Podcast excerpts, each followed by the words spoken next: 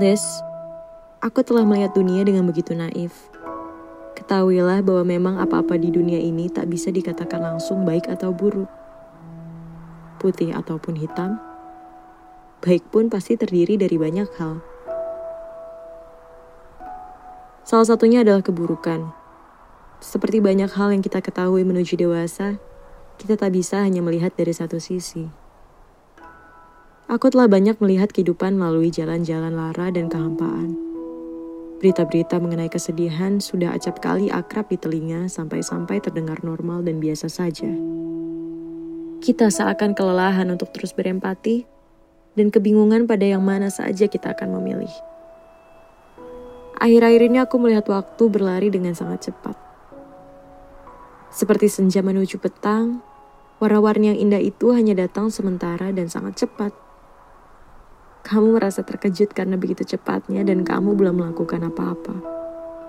Kamu merasa kalah pada mereka yang begitu semangat menyambut pagi.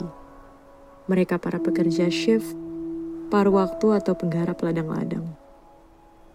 Liz, sejak kapan aku selalu terbangun dalam keadaan melelahkan? Bahkan belum menjadi apa-apa. Hidup akan terasa semakin aneh dan terlihat tak masuk akal bagimu. Banyak dari teman-temanmu yang berubah menjadi lebih sensitif, menuliskan kata-kata kesedihan tiap malam, tak bahagia dengan pekerjaan dengan gaji yang banyak. Ternyata kehilangan harapan lebih menakutkan daripada kehilangan kesempatan ya. Pergilah dahulu ke tempat-tempat dulu di mana kau biasa berjuang bukan untuk kembali, namun menemukan kembali siapa kamu. Kita semua pernah patah, terluka, kemudian memilih untuk menyembuhkan luka bersama kesendirian dan seakan takut sekali untuk berkomitmen dan memulai kembali. Kita jadi takut akan datangnya kekecewaan.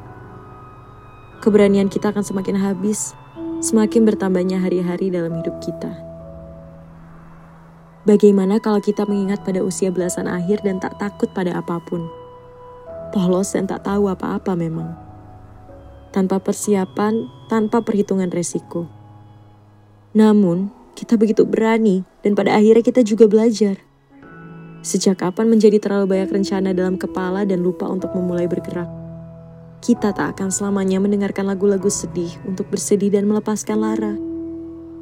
Namun, untuk mengingat bahwa kita pernah berada di titik kebingungan dan pernah berjuang dengan tenaga terkecil yang kita miliki. Kita akan kembali tertawa bodoh.